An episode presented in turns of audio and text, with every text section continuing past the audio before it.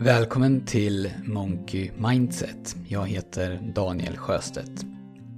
I det här avsnittet så pratar jag om sannolikheter och om riskerna i vår önskan att tänka i rätt och fel.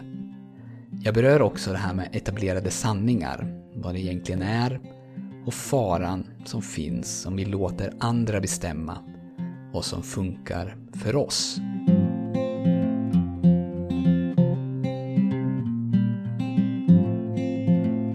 Det finns en kille i USA som heter Nate Silver. Silver, han är statistiker och gjorde sig ett namn under det amerikanska presidentvalet 2008 då hans statistiska modeller förutspådde resultatet i 49 av 50 delstater. Fyra år senare så hade han rätt i alla 50 och det här gav honom status som ett modernt orakel. Silver driver nu en webbsida som heter 538.com och där så analyseras allt från sport till underhållning till politik och det analyseras med hjälp av framförallt data. Ända från det att Donald Trump annonserade att han skulle kandidera till president så var Nate Silver mycket skeptisk, precis som alla andra, eller nästan alla andra. I augusti 2015 så sa han att Trumps chanser att klara primärvalen, alltså bara att slå ut de andra republikanska presidentkandidaterna och bli nominerad som republikanernas kandidat, att de chanserna var cirka 2%. Och det tog väldigt lång tid innan Nate Silver tog Donald Trump på allvar. Och från det att, han, att det stod klart att Trump skulle bli republikanernas kandidat och fram till valet så kan man nu dag för dag följa hur 538 förutspår att valet ska gå. Och jag länkar till det. Och de gör det genom att ange Clintons och Trumps procentuella chanser att vinna. Alltså vilken siffra som Nate Silvers statistiska modell spottar ur sig. Och under i stort sett hela den här perioden så leder Clinton stort. En kort period, sommaren 2017, precis efter att partierna hade haft sina nomineringskonvent så ligger de i stort sett lika. Men i snitt så har Clinton ungefär 75% chans och Trump 25% chans. Och ibland är det uppe på 90-10 och ibland är det nere på 55-45.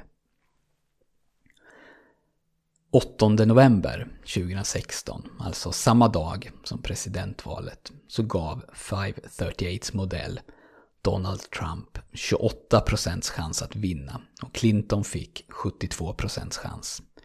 Och vi vet ju alla hur det gick. Trump vann och trots att Nate Silver gav Trump större chans faktiskt än vad de flesta andra i etablerade medier gjorde så är det han som har fått den mesta, eller en stor del i alla fall, av kritiken.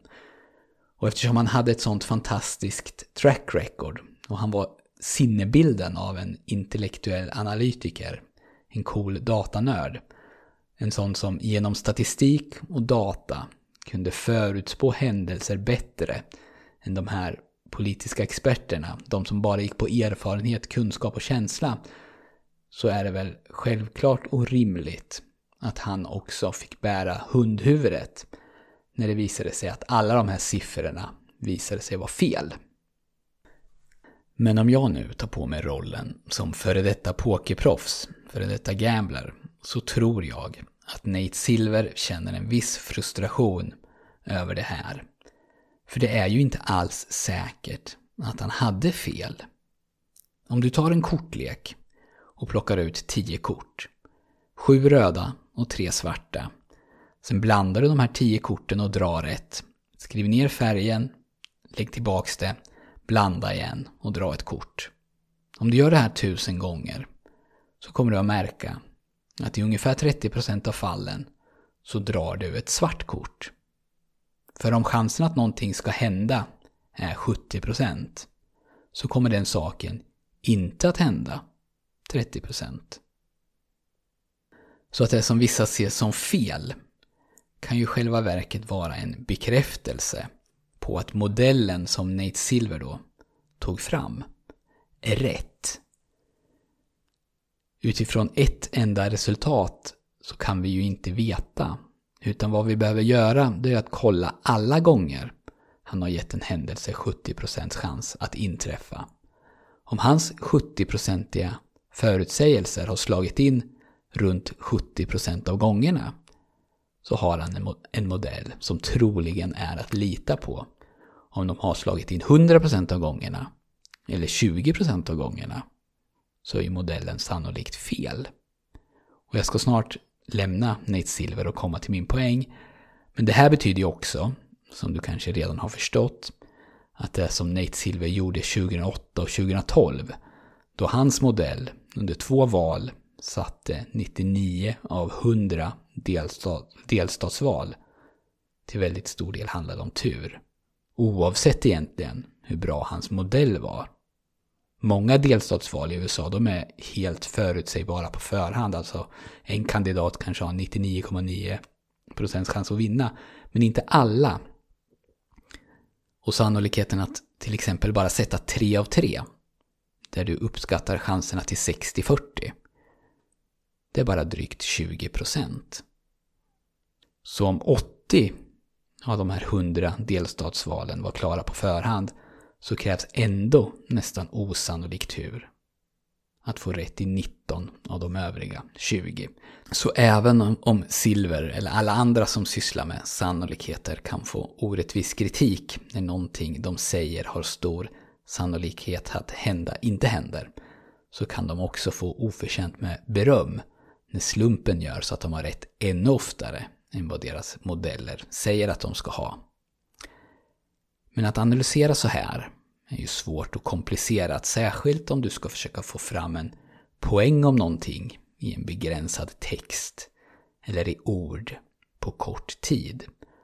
Då är det mycket lättare att säga att någon hade rätt eller någon hade fel, att någonting funkar eller någonting inte funkar. Och för att göra min poäng här så tänker jag nu eh, förenkla lite och använda mig av påhittade exempel och siffror. Låt säga att en studie, alltså en påhittad studie från mig nu, testar hur bra fysisk träning är för att lindra depression. Om man jämför det här med effekten av medicin. Efter åtta veckor så upplever 75% av gruppen som har tränat fysiskt att de mår bättre. Av de som har ätit medicin så upplever 50%, hälften, att de mår bättre. Om den här undersökningen är bra gjord så kan man säga att fysisk aktivitet hjälper mot depression och att den hjälper mer än vad medicin gör. För sjukvården så är ju det här jätteviktiga siffror. Nu kan de förändra sin vård gentemot människor som är deprimerade. De kan också sannolikt hjälpa fler. Och Dagens Nyheter kommer nu troligtvis skriva en artikel med den lite torra rubriken Motion hjälper mot depression. Och Aftonbladet, de skriver en plustext som de låser in bakom sin betalvägg med rubriken Så springer du dig lycklig. Superenkla metoden som chockar forskarna. Och jag, jag kanske gör en podd där jag berättar om den här studien. Och så föreslår jag att du ska springa 10 steg vecka 1, 20 steg vecka 2 för att efter 6 månader ha skapat vanan för att kunna springa dig lycklig. Och genom att läsa tidningar och lyssna på poddar så får ju du intrycket att motion hjälper mot depression. Punkt. Det är nu en sanning.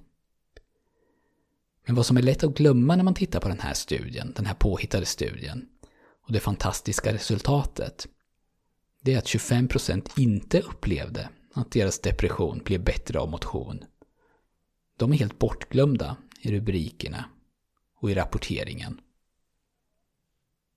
För precis så, så som alla rapporterade att Nate Silver hade fel, så rapporterar nu alla att depression botas genom motion. Och om hälften av dem som fick mediciner inte märkte någon positiv effekt, så är risken stor att det finns en grupp som varken blir hjälpta av motion eller medicin. Och vad gör du? Om du befinner dig i den här gruppen, när din välmenande kompis eller kanske din vårdcentral säger till dig att du behöver röra på dig mer för att bli bättre. Och du försöker förklara att det verkar inte gälla för dig.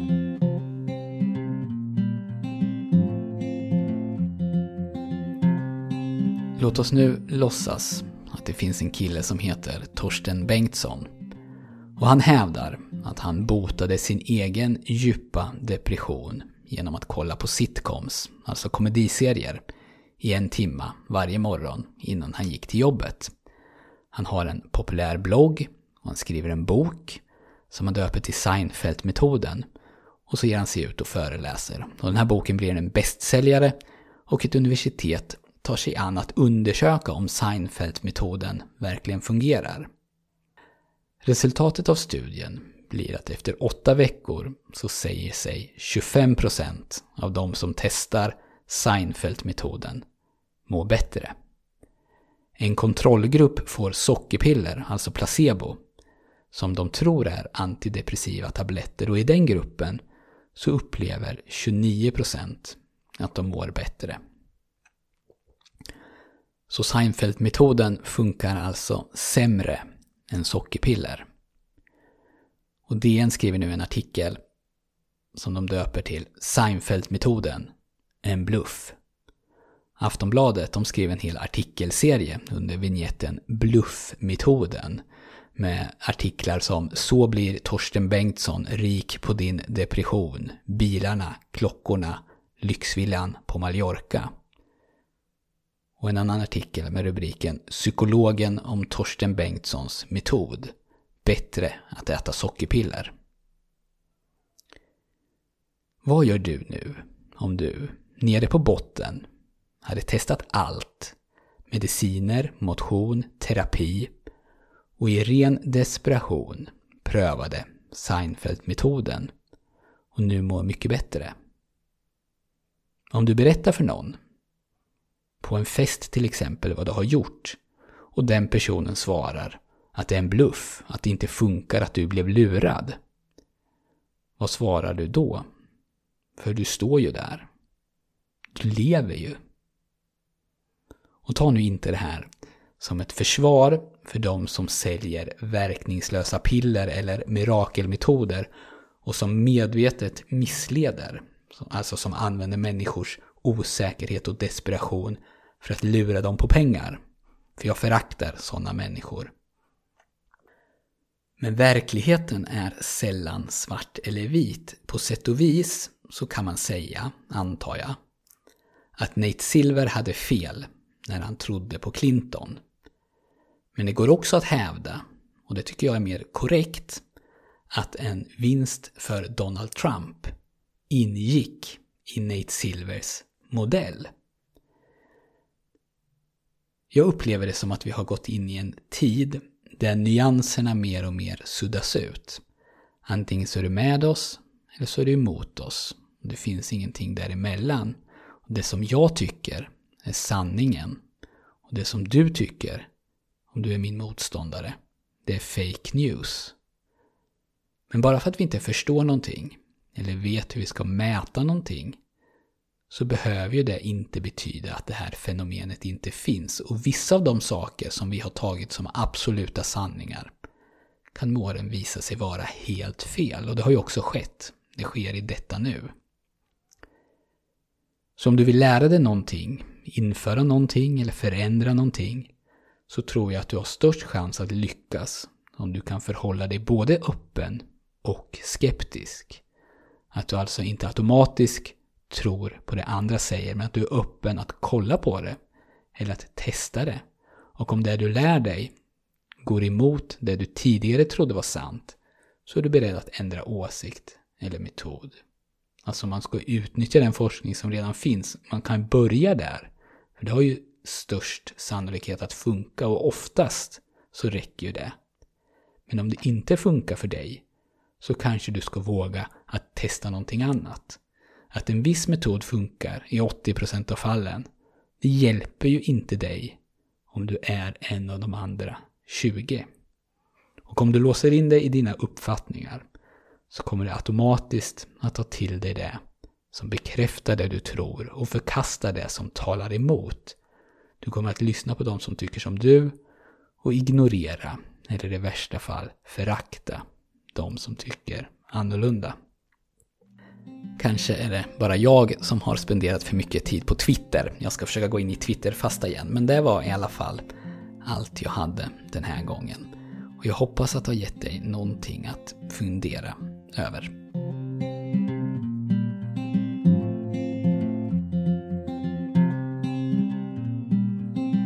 Om du är nyfiken på mental träning så kan du få det som du behöver för att komma igång av mig.